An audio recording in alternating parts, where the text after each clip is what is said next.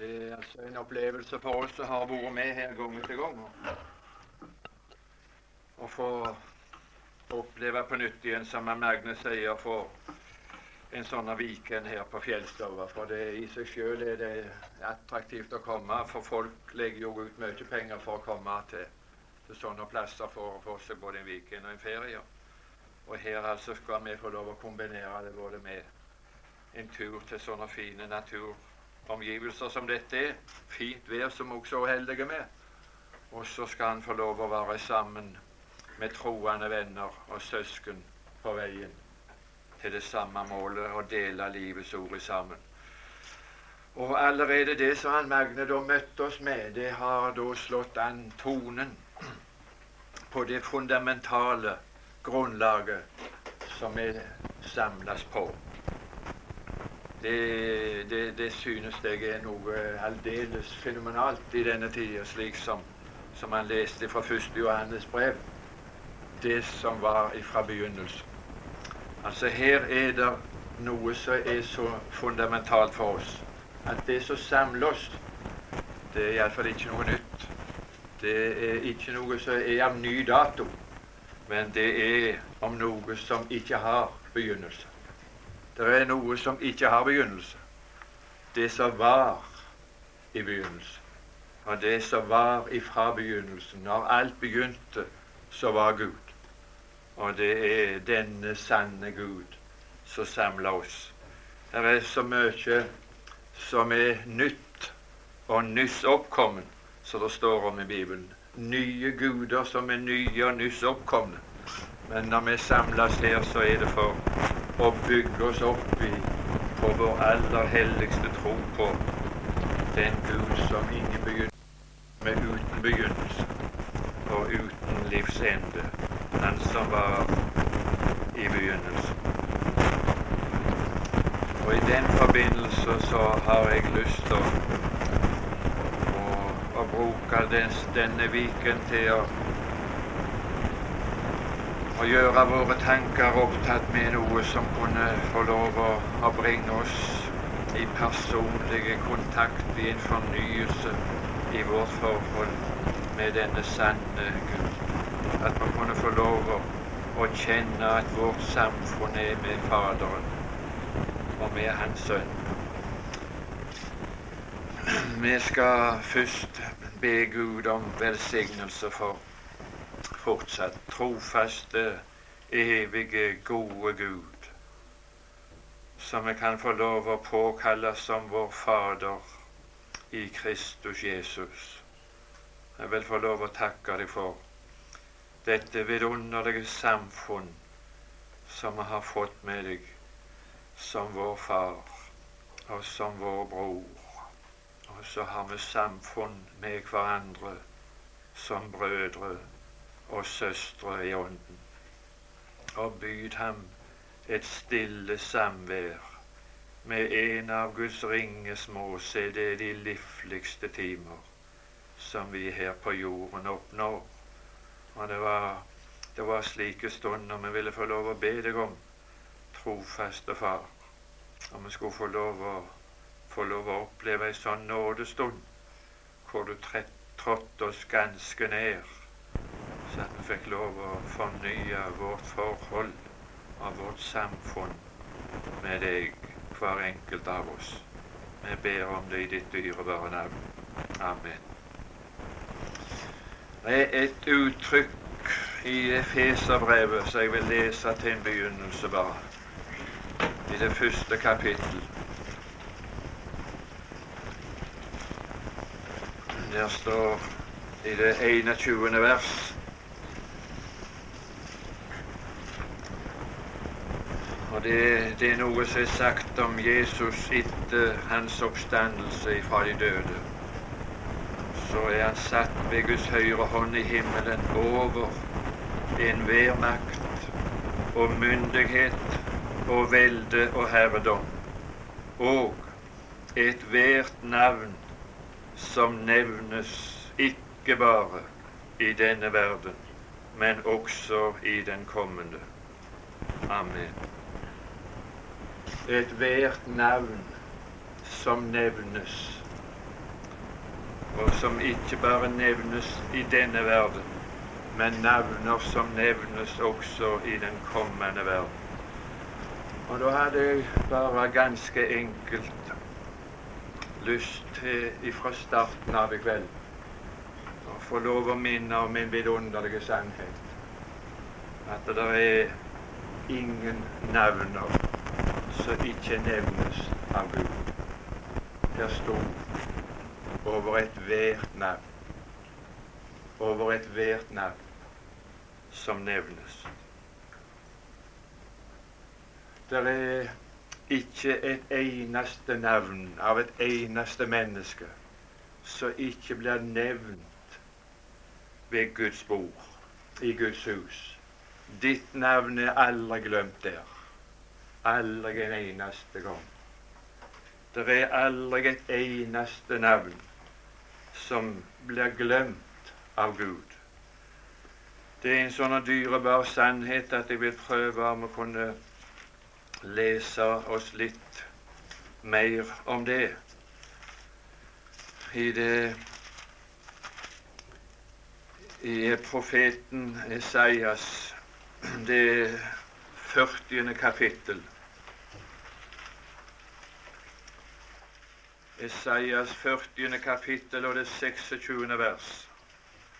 Løft eders øyne mot det høye og se.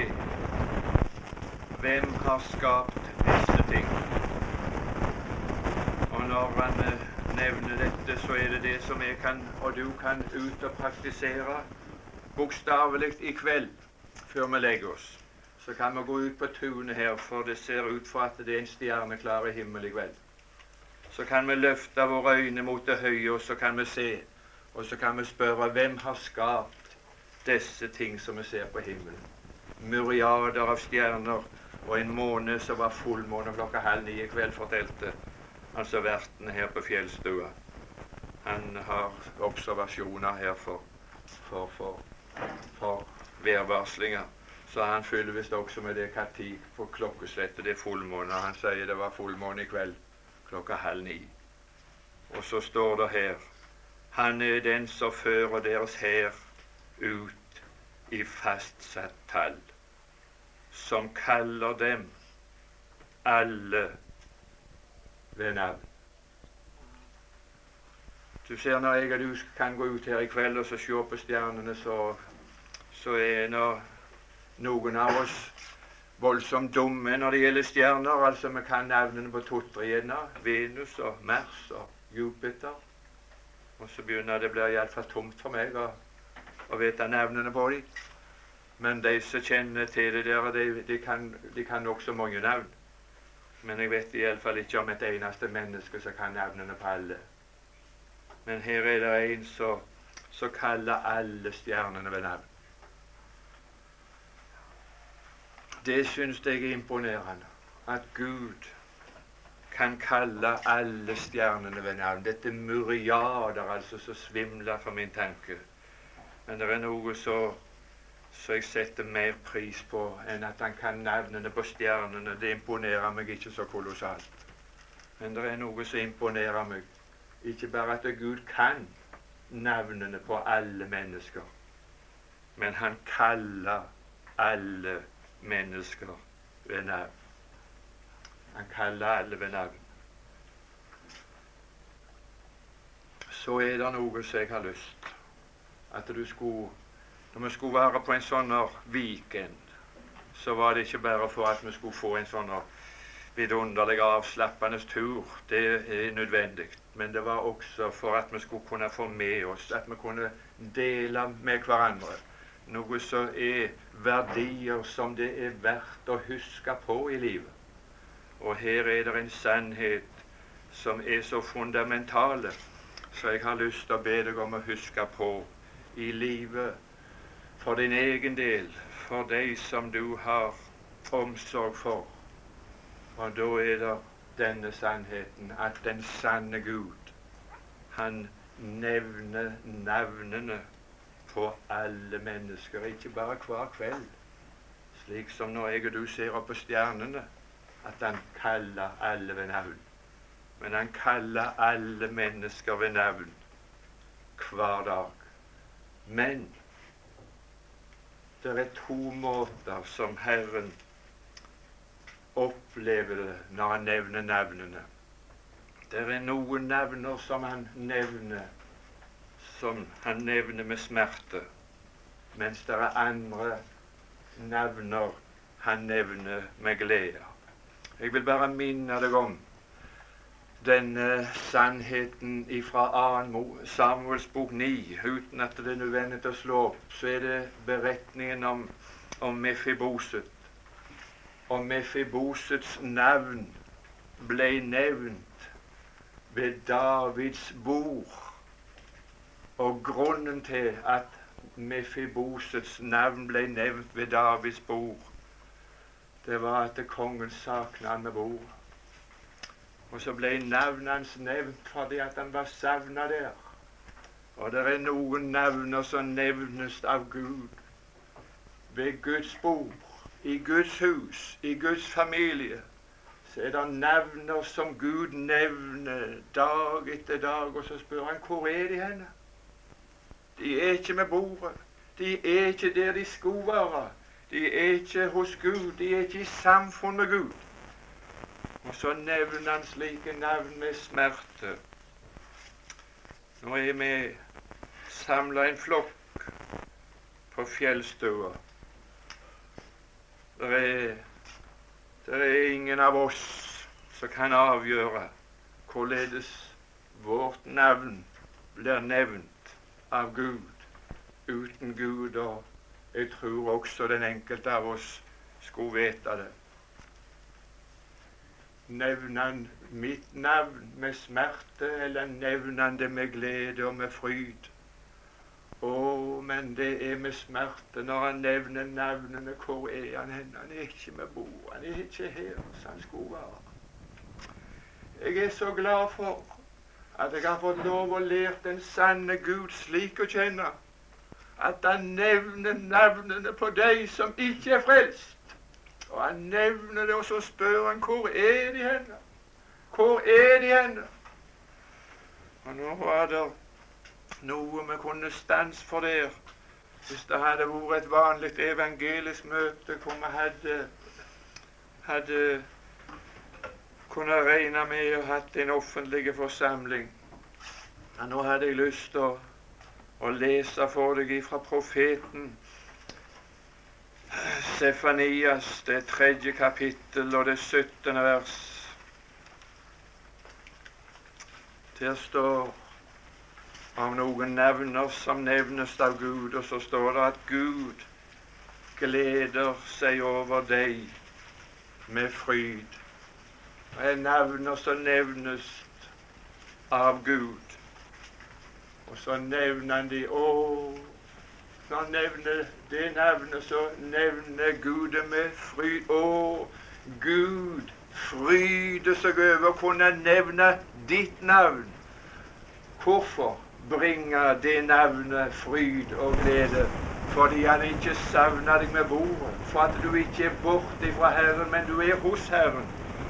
Det er det som lager fryd og glede hos Gud.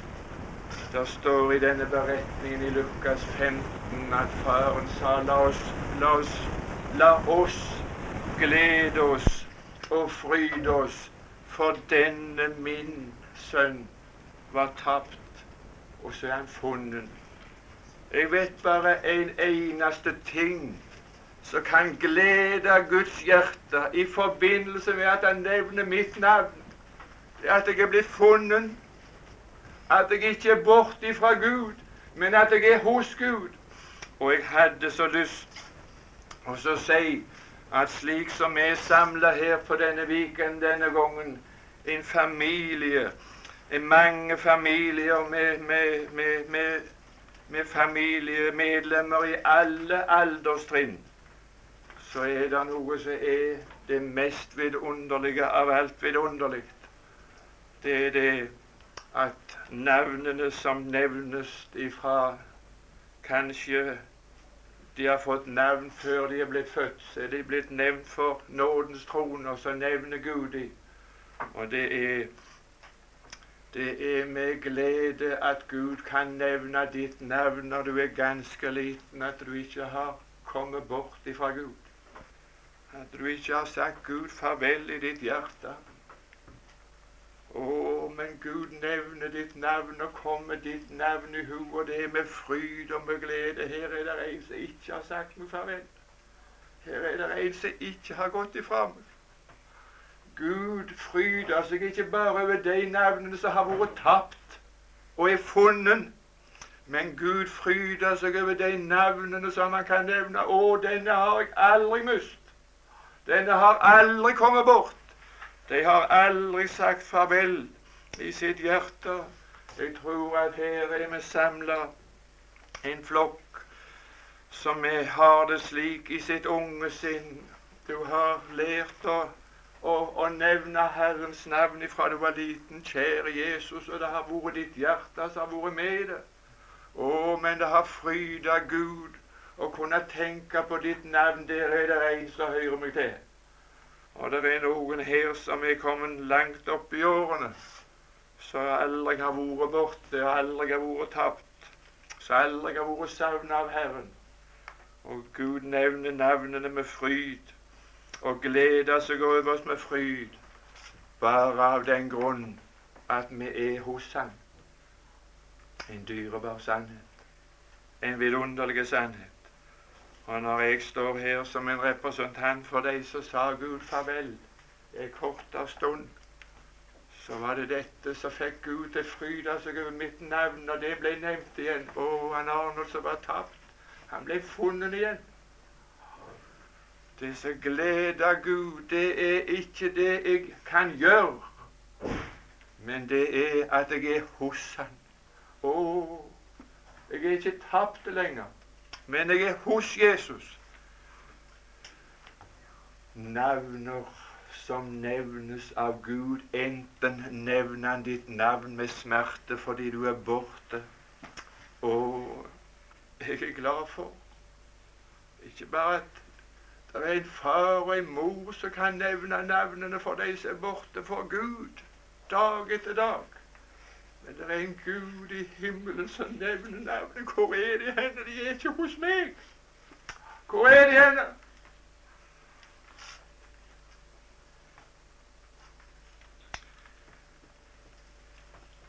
Så var det å få i forbindelse med de navner som nevnes, så var det noe som er skrekkelig gildt, og noe som er skrekkelig godt, og som jeg hadde skrekkelig lyst til at vi skulle få lov å oppleve når vi var samla her. At vi kunne få en personlig hilsing. Det hender av og til at vi får hilsinger i livet. Og så er det noen vi får hilsinger fra. Vi skal hilse ifra, sier de kommer de til meg og sier 'Jeg skal hilse til deg fra den og den'. Det er skrekkelig gildt å få hilsing. Og det er skrekkelig gildt å kunne gi hilsinger og sommertid å sende hilsinger. Og nå i kveld så vil en lese to vers i Romerbrevet 16 om en som får hilsing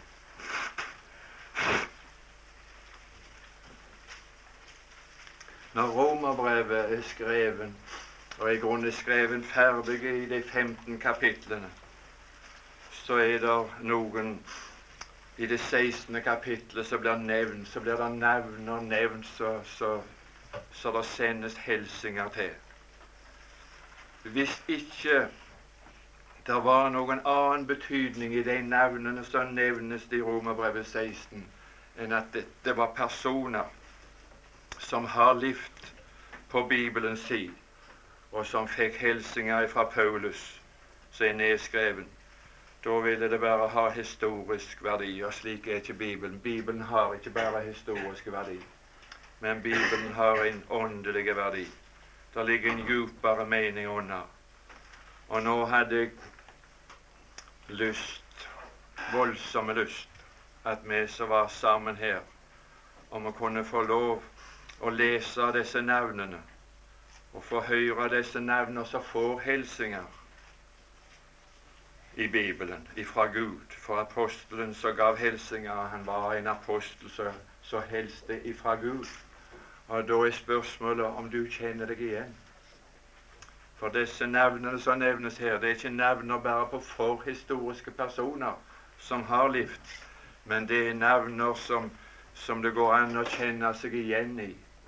Og nå hadde jeg lyst til å lese det første som står. Den første som blir nevnt i Rom, av de troende menigheten i Rom, så leser vi i det 16. kapittel og de to første vers. Jeg anbefaler eder Føbe, vår søster, som er menighetstjenerinne i Kenkre, at dere tar imot henne i Herren som det sømmer seg for de hellige, og går henne til hånde i alt som hun måtte trenge deres hjelp i for hun har også gått mange til hånde, ja, meg selv.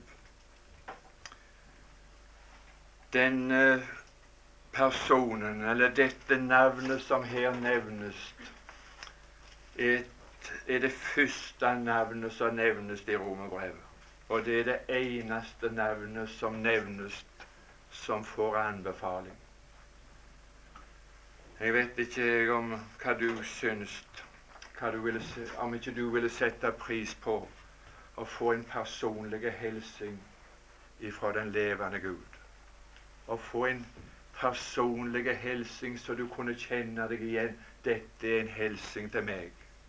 Dette er en hilsen til meg. Jeg vet ikke i grunnen noen ting som noen av oss har så stort behov for som det å få anbefaling ifra Gud. At Gud anbefaler meg som en kristen.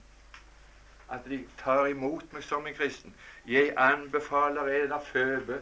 Tenk å få en anbefaling ifra Gud. Jeg anbefaler at det tar imot han og henne som er slik.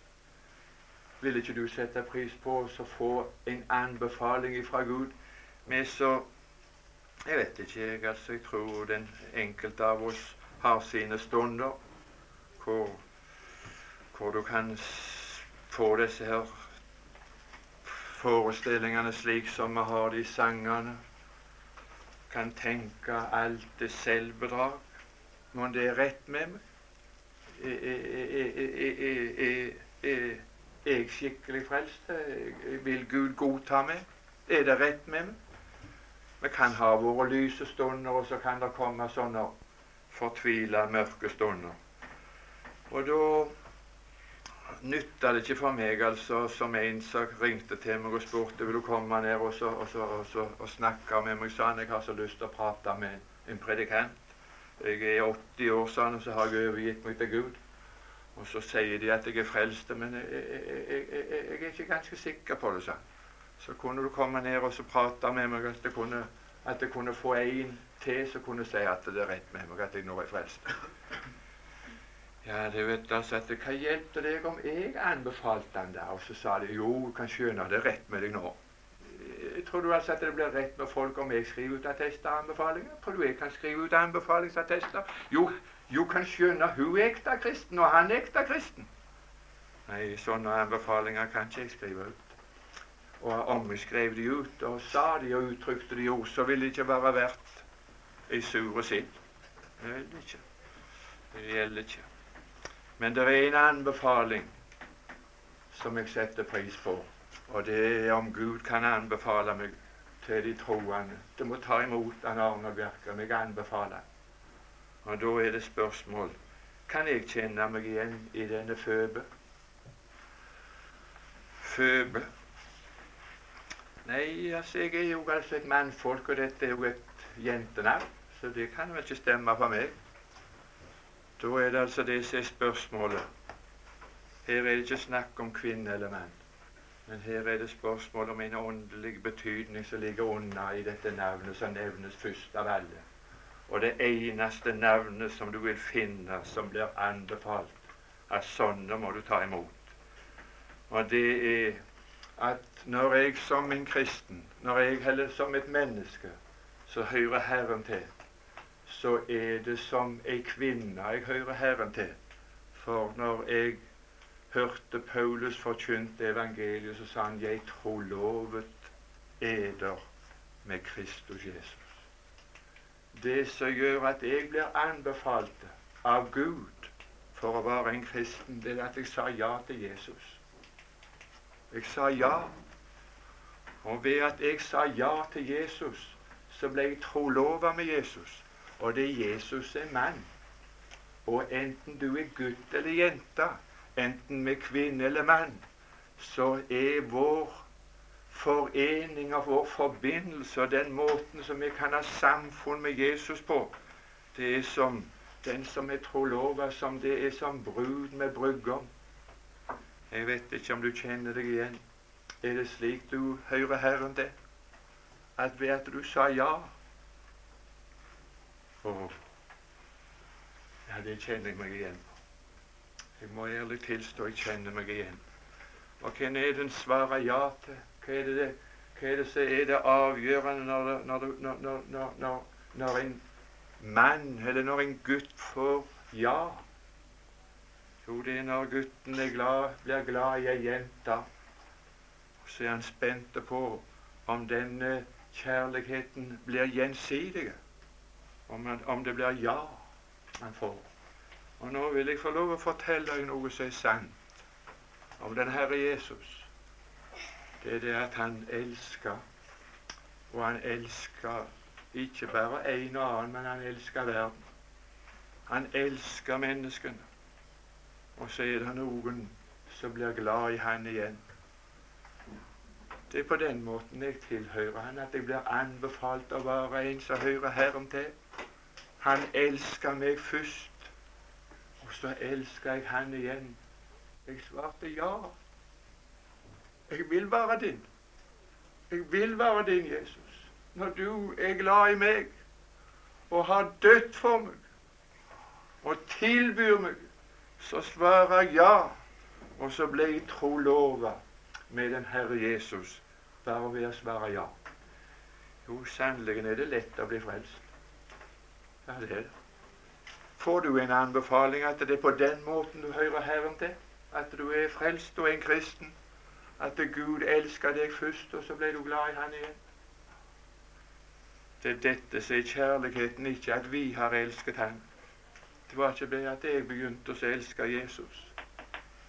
Og så ble Han glad i meg på grunn av det at jeg var glad i Han først. Men Han var glad i meg først, og så begynte jeg å bli glad i Han igjen. Ser du noe i det? Kjenner du noe av at, at, at nå får du en hilsen ifra Gud? Kjenner du nå at du får en guddommelig anbefaling?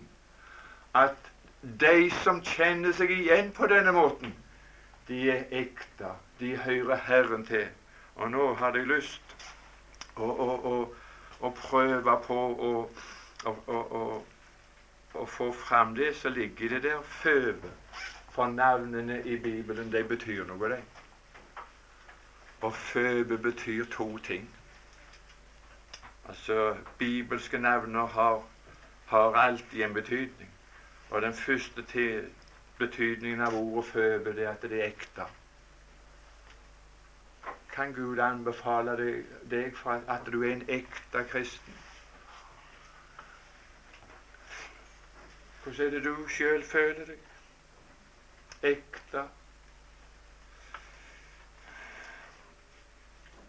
I 2. Korintiabrev, det åttende kapittel og det åttende vers, så står det noe om at for å finne ut om det er ekte eller ei, så står det jeg ville prøve ektheten, ektheten av eders kjærlighet. Så er det spørsmål er det ekte. Er det ekte med deg? Får du en hilsen fra Gud at du er, er, er, at du er en sånn føbe som kan kjenne deg igjen? At du er ekte i ditt forhold til Herren? At det er ekte saker? Du er glad i Jesus. Du elsker Han igjen fordi Han elsker deg. Er, det ekte kjærlighet? Er, er den ektheten blitt prøvd? At det er ekte at du er glad i Jesus? Det er altså forskrekkelig viktig for oss at dette ikke er bare noe vi har i munnen. For munnbekjennelse og navnkristendom, det har ingen verdi. Ingen verdi. Det må være ekte saker. Og da er det spørsmål Kan jeg finne ut at jeg består en prøve som kan finne ut at den kjærligheten jeg har til Jesus, den er ekte? Da skal jeg lese for deg i Lukas evangeliet, det enkleste, det kjæreste og det største som en kan få lov å lese for sin egen del og for andre. Lukas evangeliet, det sjuende kapittel og det 47. vers. Lukas evangeliet, det 7. kapittel og det 47. vers. Derfor sier jeg deg, hennes mange synder er henne forlatt, for hun elsket meget. Men den som lite forlates, elsker lite. Den som ikke har, har mottatt forlatelse hos Gud, han elsker ikke. Men nå er spørsmålet når du blir prøvd Elsker du Jesus så mye som lite? Hvis du ikke elsker Herren, så står det i Bibelen at det er den som ikke elsker Herren, han være forbannet. Da er en der, da er en borte, da er en tapt. Men har Guds kjærlighet nådd meg slik at jeg begynte å elske Han igjen, om det ikke er mer enn et lite, ja, da har han fått ja. Han har fått ja. Da er det en svak gjenkjærlighet. Men nå har jeg lyst å avlegge et personlig vitnesbyrd ut ifra dette verset som vi nå har lest, at den som lite forlates, han elsker lite. Det var det som tente gjenkjærligheten hos meg. At når jeg hørte om Jesus første gangen, så hørte jeg om en Jesus som tilga meg. Ikke når jeg ba om tilgivelse, men som tilbød meg og forkynte meg syndenes forlatelse og tilga meg når jeg hadde bruk for det mest. Og så begynte jeg å elske Han litt igjen. Og så er det en virkning, en vedvarende virkning, som Jesus her sier. Den som meget forlates, han elsker meget. Det er, der er noe som prøver ektheten av vår kjærlighet til Jesus. Det er ikke slik det virker at hvis det er syndenes forlatelse, så er det ikke så høyt. Da er det ikke så hytt. Hvis det altså at det er sånn nåde for synder og syndenes forlatelse, er det ikke så hytt om jeg gjør mer synd, for det er jo syndenes forlatelse. Ja, da er det ikke ekte. Hvis det er ekte, så står det hvorledes det virker. Den som meget forlates, vet du hvorledes det virker? Jo, da elsker han meget. Da blir han enda mer glad i Herren. Å, at du kunne tilgi meg, og at du kan tilgi meg. Så blir du så glad igjen, og så får du sånne skrekkelige trang. Å, at jeg kunne ta meg mer i vare. At jeg kunne være mer forsiktig. Du blir mer og mer glad i Herren til mer Han tilgir deg, og så tar du deg mer og mer i vare. For den du er glad i, har du lite lyst å gjøre imot. Og så er det en som jeg er blitt glad i, og så jeg bare har vedvarende blitt enda mer og mer glad i. Og det er etter hvert som jeg har hatt bruk for mer tilgivelse. Så står jeg her i denne stund, og så får jeg en sånn vidunderlig hilsen så jeg kan kjenne meg igjen. Jeg anbefaler Føbe. Gud anbefaler deg som er ekte, har en ekte kjærlighet jeg skal ikke tale høyt om men den kjærligheten jeg har, til tross for at det har vært mye å forlate. Jeg vil få lov å, å forene meg sammen med Peter når han hadde sagt om alle andre Jesus forlater deg og fornekter deg, så skal iallfall ikke jeg fornekte deg, for jeg er så glad i deg. Og Så vet vi hvorledes det gikk med han. Og så spurte Jesus er det så, Peter, at du er mer glad i meg du enn alle de andre disiplene. Så sa han til slutt det ordet Jesus, du vet alt. Du vet hvorledes jeg spiller. Du vet hvorledes jeg har stelt. Alle de andre de tror ikke at jeg er glad i dem. lenger. du vet alt, du vet at jeg har deg kjær. Jeg har deg enda mer kjær nå enn jeg noen gang før. Jeg kan ikke slå et hånd av. Det er bare for meg at min tro ikke skulle svikte. Hvis jeg kan få lov å tro på det allikevel når jeg har svikta så grunnvoll, så jeg er enda mer glad i deg nå, Jesus, enn jeg var før de fornekta deg. Det virker slik. Syndenes forlatelse når du har svikta, det virker slik. Du blir mer glad i Jesus og får en større kraft til å ta deg i vare, til å passe litt mer på en annen gang. Det kommer aldri til å bli annerledes enn at du trenger hver dag syndenes forlatelse. Og Derfor så sier jeg det med hånden på hjertet. Det er med fullt overlegg jeg sier at jeg er mer glad i Jesus i dag enn jeg noen gang har vært. Og grunnen til det er fordi at jeg har trengt mer forlatelse det lenger jeg har levd. Og jeg kommer til å trenge det så lenge jeg lever en framtidig dag. Så er det denne velsigna sannheten jeg har hvila i, at det er forlatelse. Men altså, føbe betyr ikke bare det at det er ekte. At dette her, det har med hjerteforhold å gjøre. Det har hemmeligheten med kristenlivet, at det er et lykkelig liv, det er at det er et frivillig liv. Men skjønner du at hvis du skulle inngå et forhold under tvang, ja, så er du, er du nødt til å mislykkes. Hvis en gutt og jente skal inngå et ekteskap under tvang, ja, så er det dømt til å mislykkes. Hemmeligheten til at det skal kunne bli et lykkelig ekteskap, det er at det er frivillig. Det er at det er av hjertet, at de blir glad i hverandre.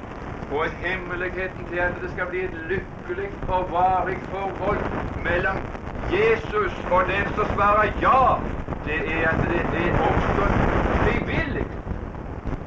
Av et frivillig hjerte som sier Å ja, din, o Jesus det liv. For å være din, er en lykke under. Du har ditt hjerte bort for meg, ditt åpne frelsesskilt, rik og klar. Men altså, det betydde ikke bare det at det var ekte, men det betyr også det å være skinnende rein. Strålende rein. Skinnende rein. Forlova er det jo sa, sa Paulus i annen Korinterbrev 12 for å fremstille en ren jomfru for Kristus. Det er en sånn gang. Det blir fremstilt og anbefalt som en kristen som er ren skinnende, aldeles ren og rettferdig himmelen er den Kjenner du det? Får du en anbefaling av Gud fordi du er skinnende rein?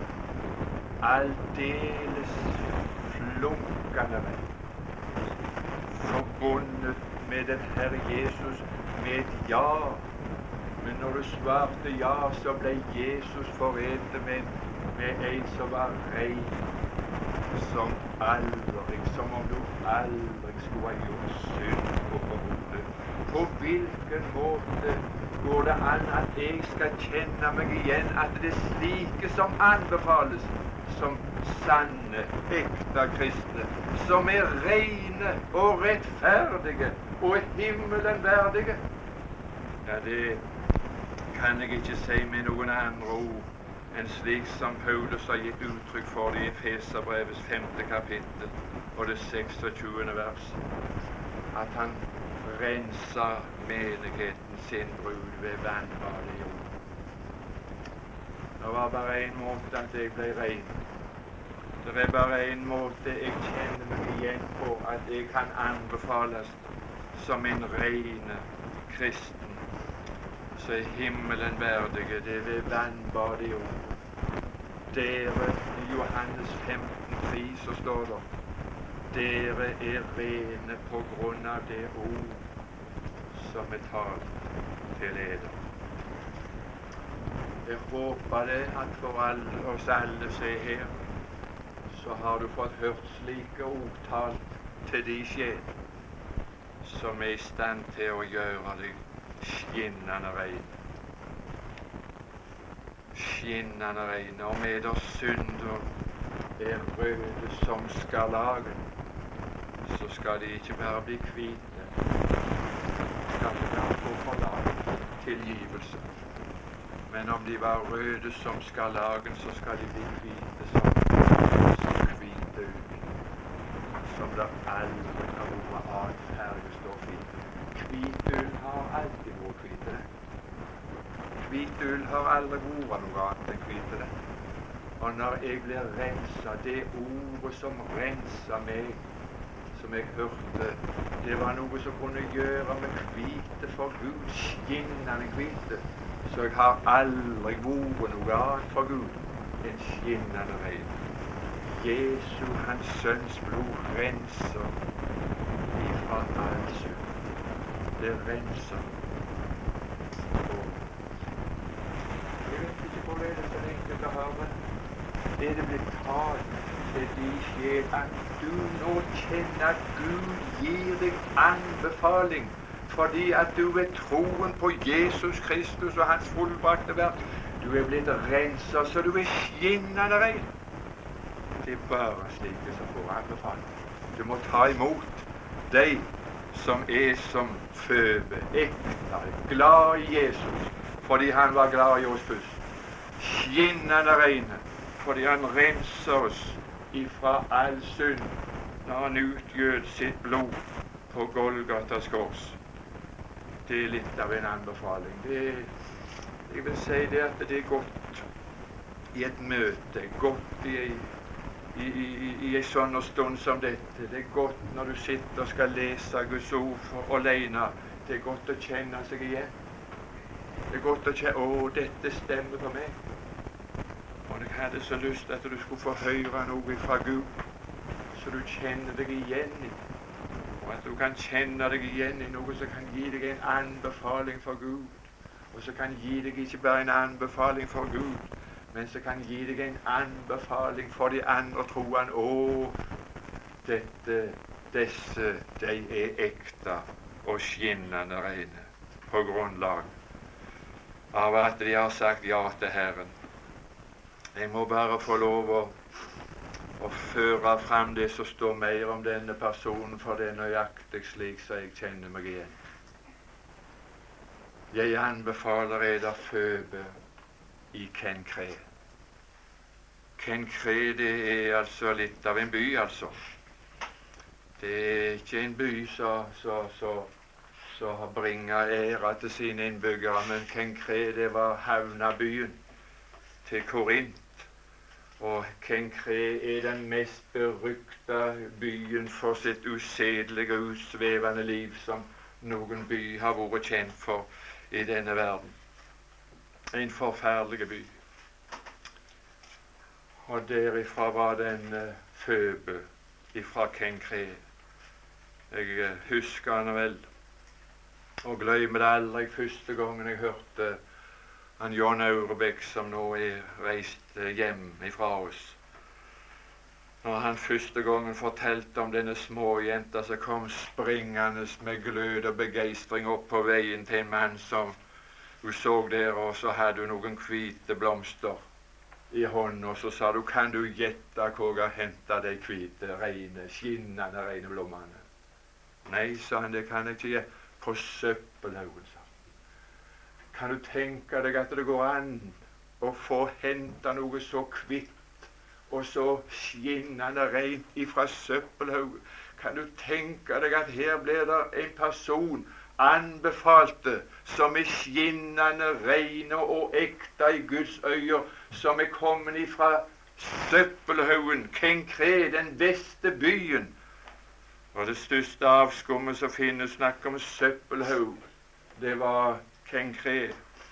Og der så jeg og du er kommet ifra av naturen, så er det fra syndefallet, ifra det forderva, det mest forderva, det som var tvers igjennomsyra av synd i oss.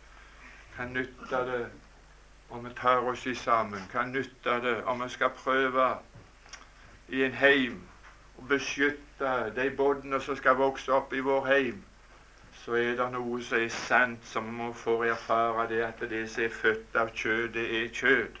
Og når barna vokser opp, så er det de kjødelige lyster som viser seg å være virksomt, og at det er en synder som var født og kommet til denne verden.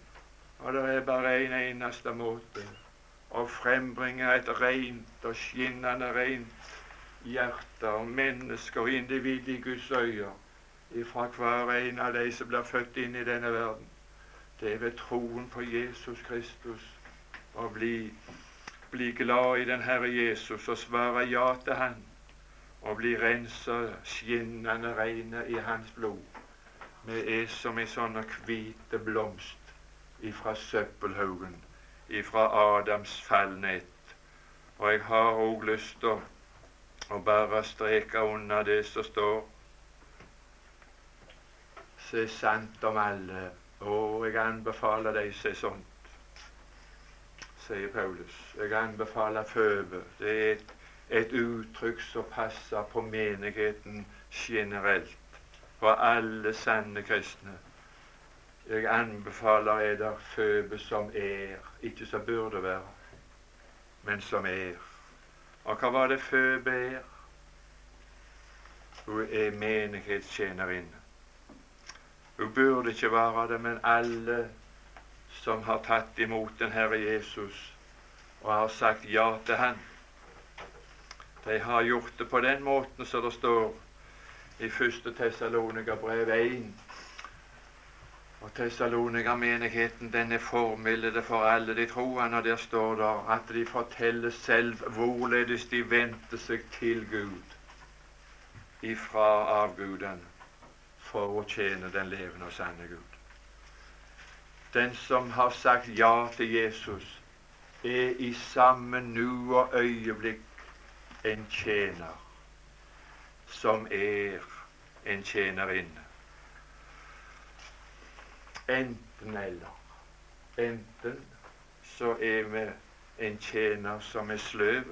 Det går det an å være.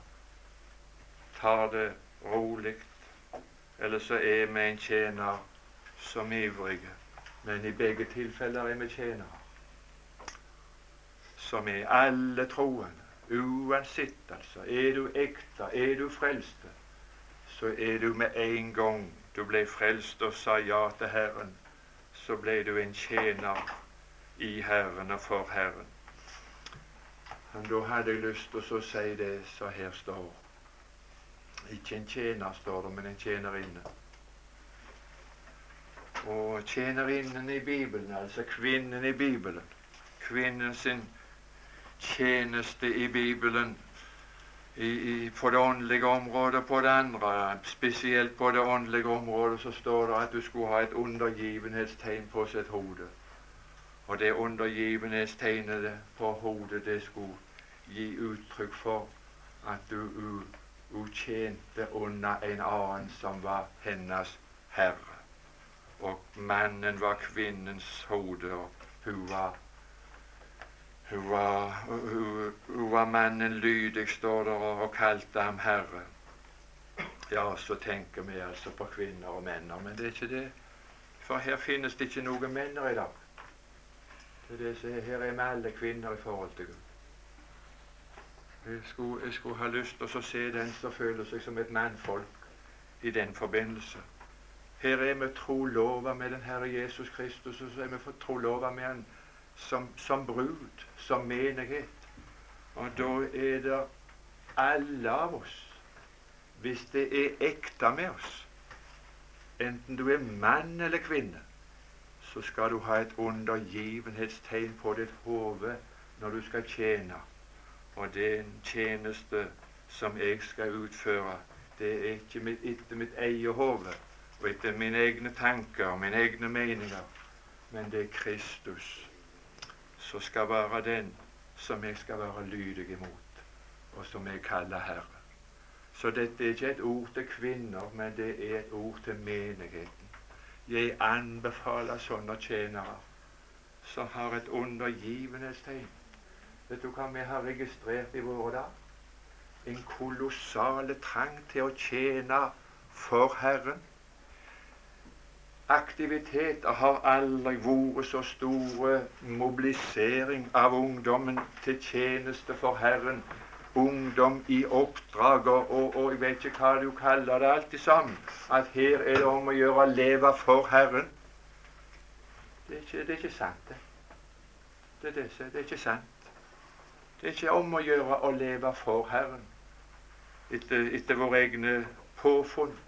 Men det er én ting som det er om å gjøre for den enkelte av oss. Det er hvis vi skal tjene, så må vi ha noe på hodet.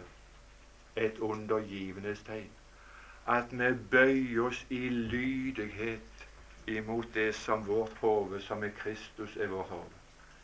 Og han er den som bestemmer. Og Derfor er det ikke snakk om bare å arbeide for Herren, for da kan vi gjøre mye galt. Men å arbeide i Herren.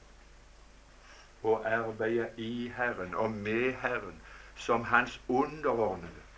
Nei, det er en sang som er mye for gammeldags nå, som ikke passer til dette mønsteret og tankegangen. Jeg har fått plass som visergutt i verdens største forretning. Og det er den jeg hadde lyst til å ha. Jeg hadde lyst til å være en sånn visergutt, en medarbeider. For det var en som hadde herredømme og kommanderte. Og så hadde jeg bare vært lydig imot Herren.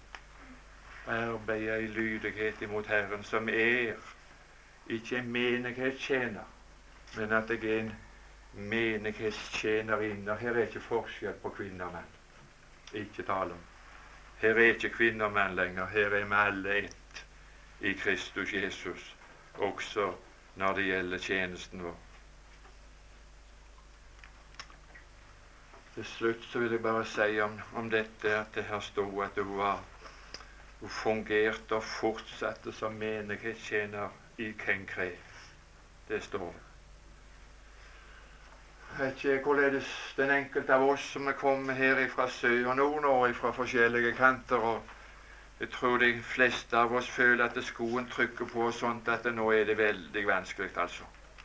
Nå, nå er, nå er tidene blitt vonde og vanskelige. I vår bygd og der du er, der, der er forholdene blitt så vanskelige. Omstendighetene er blitt umulige. Det er snart ikke råd til å gjøre noe. altså. Vi, vi kan snart gi opp og slutte, for det er så vanskelig.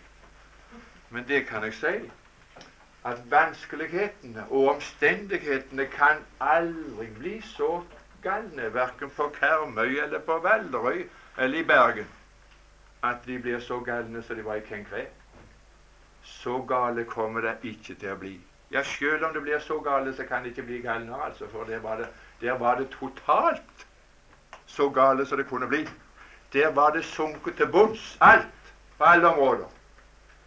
Og det eneste det var overflod av i Kenkre, det var, det var forlystelsessteder.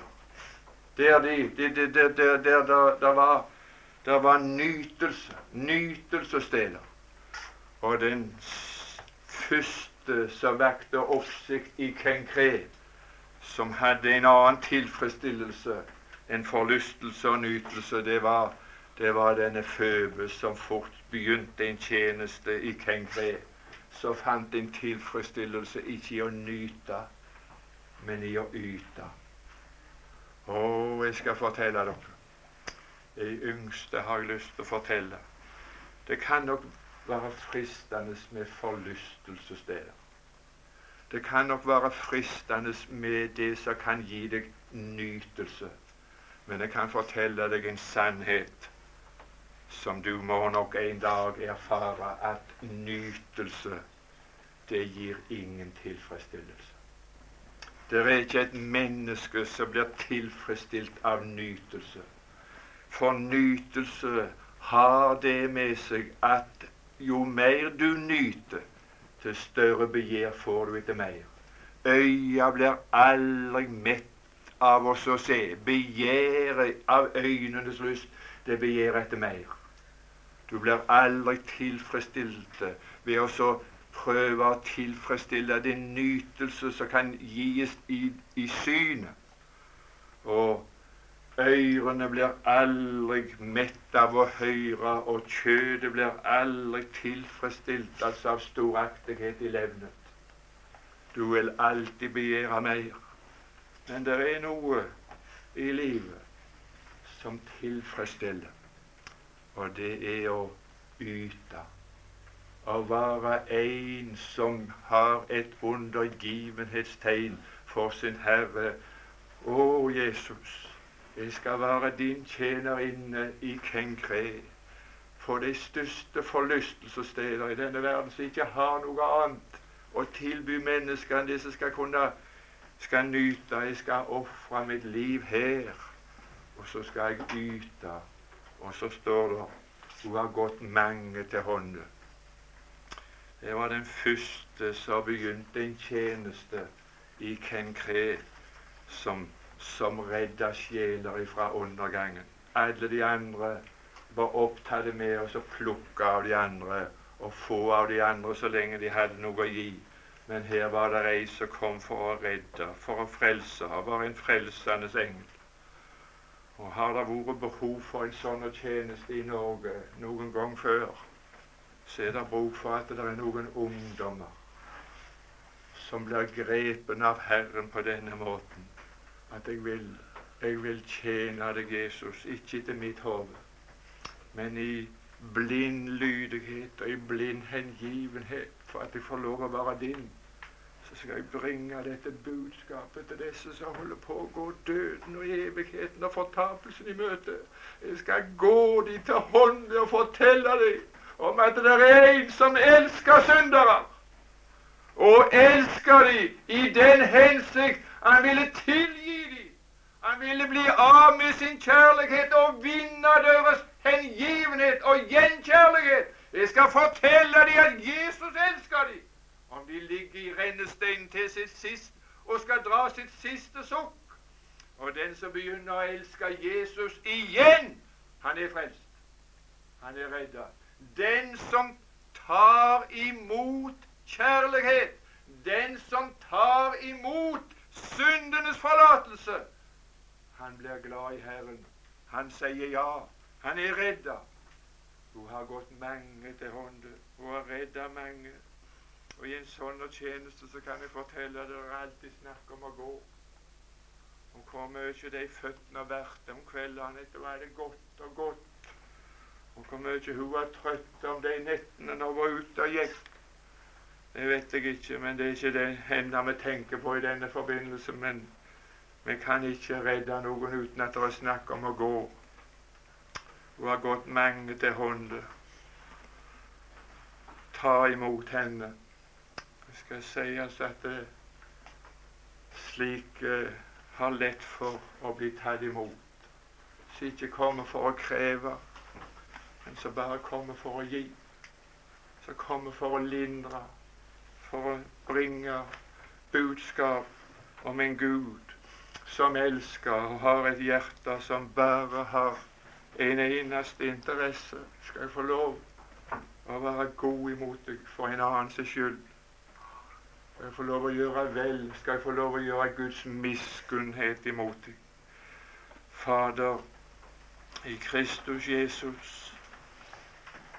og vi for ditt åsyn, vi er her i takknemlighet for at vi har fått lov å lære deg å kjenne at du er fra begynnelsen og at din kjærlighet til menneskene er evig. Du har vært slik ifra begynnelsen, og det er ingen forandring, det er ingen skiftende skygge. Du har elska, og du elsker igjen. Og du elsker alle mennesker, du elsker de uelskverdige. Og jeg vil få lov å gi uttrykk for her i alle de som hører meg i denne stunden jeg er kommet til troen på at du elsker meg. Skjønt jeg fatter det ikke. Jeg tror det, skjønt jeg fatter ei at du elsker syndere som meg. Det er det budskapet som har varmet mitt hjerte. Det er det som har tent en gjenkjærlighet i mitt sinn. At du elsker meg. At du ikke elska meg i ord, men du elska meg i gjerning. Før jeg var verdt noe, så elska du så du ga meg. Så jeg, jeg ba ikke for å få, men du, du elsker meg og ga meg, og så påvirker du meg å gi meg. Før jeg ba. Så takka jeg deg for at du ga meg. Herre Jesus, alle de unge som er med oss her i dag, i denne, denne helg må den enkelte få en personlig hilsen fra deg. At du ved Den hellige ånd kunne formidle et budskap som ble personlig, så de kjenner seg igjen i. Fader i Kristus Jesus. Du som hadde noen å sende hilsener før i fordomstid da vi var unge gjennom oss klare å sende hilsener til disse unge i dag. Gjennom oss. Vi ber deg om Den hellige ånd må få lov å bruke disse dager og disse samvær og de timene vi får lov å være her. At vi kunne få betydning for evigheten, betydning for himmelen og betydning for hver enkelt av oss. Og betydning når vi kommer hjem til hver vår plass. At det kunne merkes vi hadde vært sammen med deg, Jesus. Amen.